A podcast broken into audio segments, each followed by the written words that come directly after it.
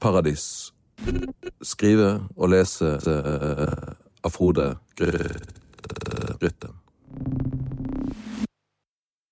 To dager før det amerikanske presidentparet kom på offisielt norgesbesøk, forsvant Trollhaugen.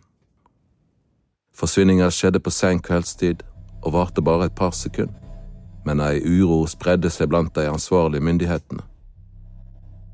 Øynevitnet kunne fortelle at det hadde minnet om den type glitch en hadde sett i andre land. Et flimrende rykk, en skarp støy, en elektronisk snøstorm. Så var både villaen, museet og komponisthytta borte. I 28 sekunder var bygningene erstatta med gras og tre og vegetasjon. Ei uventa tilbakevending til naturen. Som om mennesket aldri hadde sett sine føtter i dette området ved Nordåsvatnet. Forsvinninga var alarmerende i seg sjøl, men hun var også kutt fordi ektemannen til presidenten spesifikt hadde uttrykt et ønske om å få oppleve Trollhaugen. Jared Kushner hadde de siste ti åra utvikla en djup lidenskap for Edvard Grieg. I intervju snakka han om hvor romantisk og patriotisk musikken var. Griegs komposisjoner styrker Kushner i trua på potensialet i nasjonsbygginga, og minner han hver dag på hvor viktig tradisjonen er for det moderne mennesket. Det fantes et TV-opptak der Kushner ligger avslappa på en sofa i Det hvite hus, mens han lytter til Griegs fiolinsonate i c-moll og snakker inn i kameraet om hvordan denne type musikk fysisk løfter han opp fra hverdagen og gir han både innsikt og utsikt. Det var mer uklart om den amerikanske presidenten sjøl hadde et like tett og entusiastisk forhold til Grieg. På direkte spørsmål fra journalister brukte Ivanka Trump alltid å vri seg unna og si at det var irrelevant hva som var presidentens personlige musikksmak. Ut fra spillelistene hun hadde offentliggjort i tida før hun ble valgt til embetet, kunne jeg likevel få inntrykk av at presidenten hadde preferanser i retning av sanger om godstog og fossilbiler framført av menn i store hatter. Tidlig neste morgen sto byrådslederen urørlig i øverste etasje på rådhuset. Hun stirra utover et Bergen i regn mens krisestaben samla seg bak henne. De snakka lågt sammen. Alle uttrykte overrasking. Ja, de var forskrekka over utviklinga. Denne type glitching hadde de siste åra spredd seg i USA og Kina og Russland. Det hadde også vært registrert tilfeller i Frankrike og Italia, men kjensla var fremdeles ulike varianter av. Sånne ting skjer ikke her. Byrådslæreren ønsket velkommen og orienterte kort. Etter hennes vurdering var situasjonen under kontroll. Det var i løpet av natta ikke registrert nye episoder på Trollhaugen, og ingen hadde så langt publisert saker om forsvinninger. De få øyenvitner hadde blitt oppmodet til å holde tett fram til det fantes mer konkret kunnskap om hva som faktisk hadde skjedd. Spørsmålet nå var hva en skulle kommunisere ut til folk, og ikke minst hva en skulle melde fra om til den amerikanske presidenten. Etter et lengre ordskifte og store mengder kaffe konkluderte byrådslederen med at han ville gjennomføre statsbesøket uten å gå ut med ny informasjon. Dette kunne dreie seg om slump og vilkårlighet, og jeg mangla tilstrekkelige nye element til å revurdere de opprinnelige planene. Bergen vil om kort tid ha hele verdens øyne retta mot seg. Dyktige folk hadde jobba i årevis med å legge til rette for denne unike hendinga i byens historie. Visit eh, Bergen hadde til dømes regna ut at reklameverdien av pressedekninga alene ville utgjøre flere hundre millioner kroner. Operativ kriseleder hadde innvendinger, og pekte på erfaringene fra andre land. Der hadde problemet med glitching bare tiltatt når det først hadde sett inn.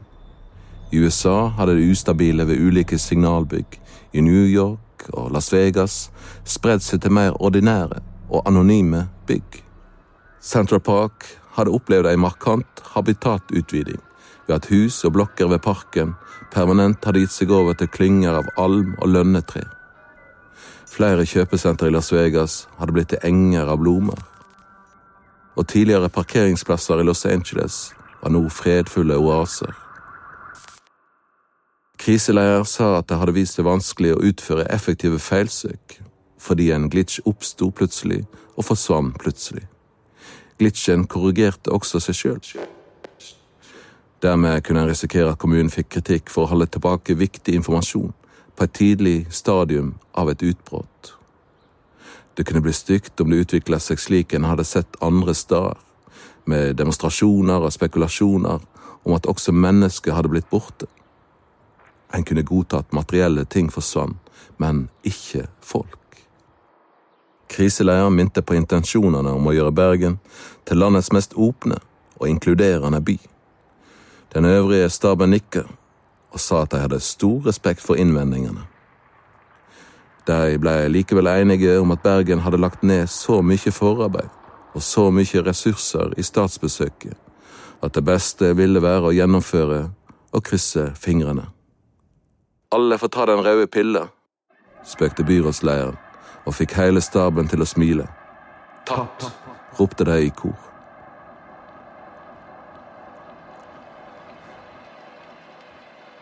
Trass tett regn gikk første del av generalprøven etter planen.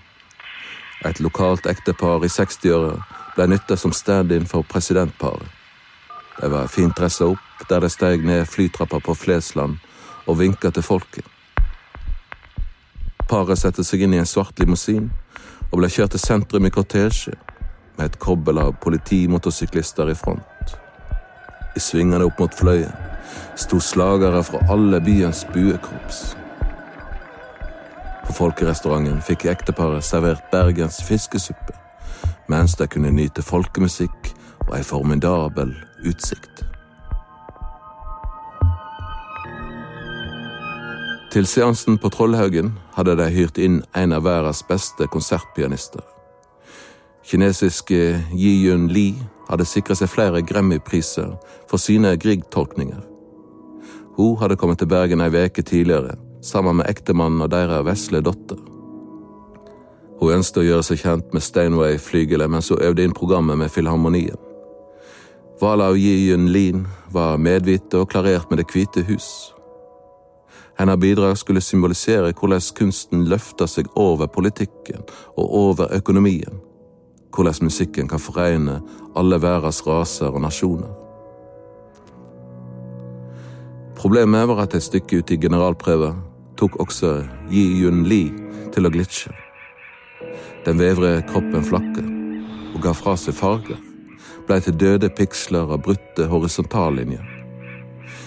I den ene øyeblinken satt hun på pianokakken og spilte Per Gynt-suiten. I neste var hun redusert til fragmentariske elektromagneter. Silhuetten hennes kom og gikk noen sekunder. Så blei hun til en sjimpanse som dundra løs på tangentene. Før hun forsvant helt. Det blei stille i trollsalen. Etter å summe seg litt tok journalistene til å rapportere hva de hadde sett. Sjølve glitchen viste seg å være umulig å dokumentere.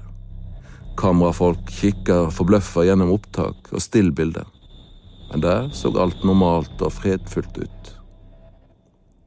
For en gangs skyld hadde pressen likevel vært førstehåndsvitne, og ivrig kunne de melde at glitchinga nå hadde nådd Norge.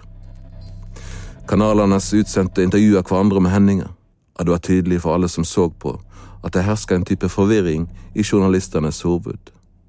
De visste ikke hvordan de skulle skildre dette absurde, men de holdt det gående mens kollegene rundt omkring i redaksjonene forsøkte å bringe klarhet i kaoset gjennom kommentarer fra de ansvarlige og fra spesialister på fenomenet.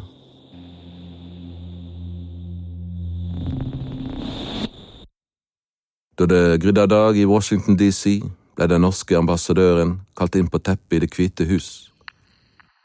Jeg har i morgentimene snakka med min statsminister, og hun garanterer for deres sikkerhet, sa ambassadøren med rolige setninger.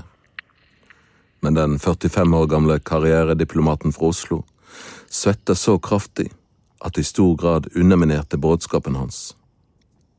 Presidenten uttrykte ei viss bekymring for det som nå hadde skjedd. Hun sa at stabiliteten i de skandinaviske landene var hovedgrunnen til at de hadde blitt valgt ut som mål for statsbesøk. Vel, eh, Trollhaugen er første kjente tilfelle av glitching i Norge. Dessuten er vi også i år det mest lykkelige landet, ifølge FNs World Happiness Report, sa ambassadøren uten at det verker å gjøre særlig inntrykk på Uvanka Trump. Han skundet seg å legge til at Norge var klar for alle eventualiteter det menneskelige var mulig å se for seg. Ambassadøren stirrer bort på Ivanka Trump, som denne dagen var kledd i hvitt. De som kjente ambassadøren personlig, visste at hun var årsaken til han hadde søkt seg til USA. Han elska alt ved Ivanka Trump. Hvordan hun så ut, måten hun viste karakter, det kompromissløse. Presidenten hadde til dømes aldri offentlig uttrykt angst for erosjonen av det menneskeskapte, og det mediene kalte for kampen mot naturen.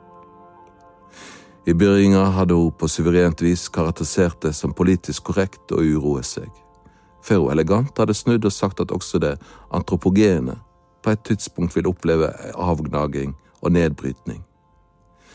Kritikken mot president Trump hadde økt i styrke da de fire presidentene på Mount Rushmore hadde glitsja så kraftig at det i timer av gangen bare var fjellmassiv tilbake. Ingenting er så naturlig som naturen, hadde presidenten svart smilende den gangen. Ambassadøren hadde elska responsen. Han måtte innrømme at han hadde kommet litt i tvil da det ble lekt et opptak der Ivanka Trump sa at dette rammer kun folk som trasser Darwin. De svakeste dyra i flokken. Taperne. Men eh, ting tyder på at videoen var en deepfake lagd av militante økologer. Det fins vel andre som kan spille Grieg? spurte Ivanka Trump. Så absolutt, sa ambassadøren. Vi har verdens beste sittende på innbytterbenken. Kjenner du til Leif Ove Ansnes? Nei, sa presidenten. Han er 80 år, men helt briljant, sa ambassadøren, før han ble eskortert ut av det ovale kontor og plassert i en mørk SUV. Bilen snirkler seg gjennom horder av politifolk, medlemmer av nasjonalgarden og demonstranter, som også denne klare maimorgenen sto der med sine megafoner og plakater. White Lives Matter. Til rådgiverne sa Ivanka Trump at det var uaktuelt å avlyse. En måtte tilpasse seg det abnorme uten sjøl å bli abnorm. Særlig et valår må en president opptre uforferda og kompromissløst, understrekte hun. Alle noterte. Ingen glitch har noen gang stansa evolusjonen eller presidenten i verdens største land, sa hun og forsvant ut av kontoret. Jared Kushner lå i senga med fjernkontrollen i handa da presidenten kom inn. Hva ser du på? spurte hun. Jeg ser en film om en mann som blir forelska i en vampyr, og som sjøl blir tvunget til å bli vampyr, svarte Kushner. Hun smilte. Pianisten er borte, men du skal få din Grieg, sa hun, og kyssa ektemannen. På Trollhaugen? spurte han. Trollhaugen? spurte hun. Ja, det er villaen til Edvard Grieg. Komponisten kalte heimen for Mitt beste opus hittil, sa han, og så flørtende på kona. Slik du er mitt beste opus hittil, sa han. Å, så søtt, sa hun.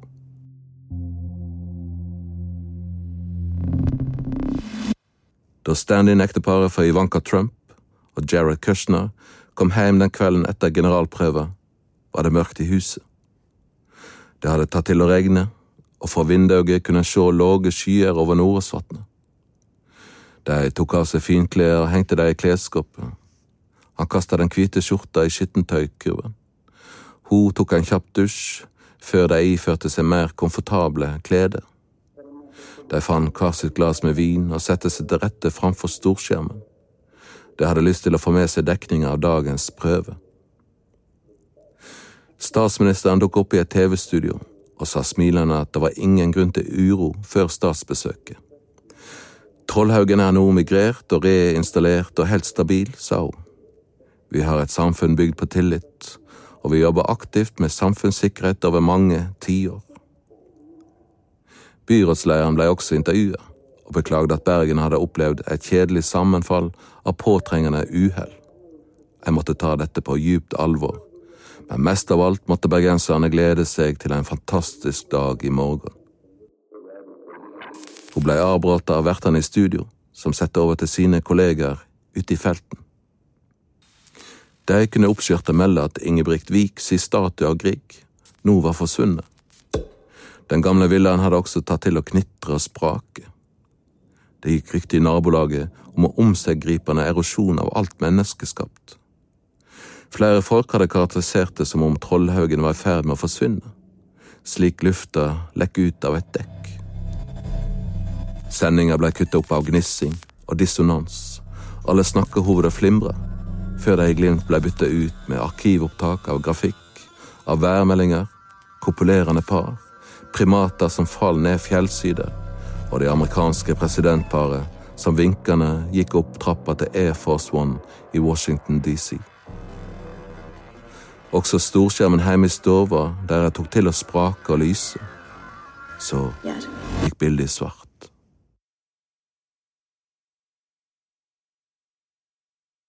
Han trykte og trykte på fjernkontrollen. Han sjekka kabler og innganger. Det hjalp ikke. De ble sittende stille i sofaen. Jeg er sliten, sa hun. Jeg også, sa han. Det hadde virkelig gledet seg til å spille rolle som det amerikanske presidentparet på generalprøver, trass all kritikk de hadde fått i forkant for folk som sterkt mislikte Trump og Kushner. Men eh, opplevinga hadde nå fått en bismak gjennom hendinga på Trollhaugen. Tror du hun kjem tilbake, spurte hun. Pianisten spurte han. Hun nikker. Nei, sa han. Jeg tror hun er en stad langt, langt utenfor vår rekkevidd. Han gikk på kjøkkenet for å skjenke seg mer vin. Etter å ha fylt opp glasset, ble han stående. Det var vanskelig å vite, men han trodde han så omrisset av en skapning nede på muren. Han slo av lyset og gikk til vinduet igjen. Jo, det var en levende skapning. En hyene som satt stille der nede, som nå og da snudde på hovedet. Han ropte på kona. Hva er det? ropte hun tilbake fra stova. Han oppdaga to hyener til. De satt på panseret på den nye bilen. Og det fantes flere. En hyene forsøkte å klatre opp lyktestolpen. En hoppa rundt inn i ballbingen, og bjørketreet var full av dem. Auga deres lyste som frontlykter. Hva skjer? spurte kona da hun kom og stilte seg ved sida av han. Jeg veit ikke, sa han.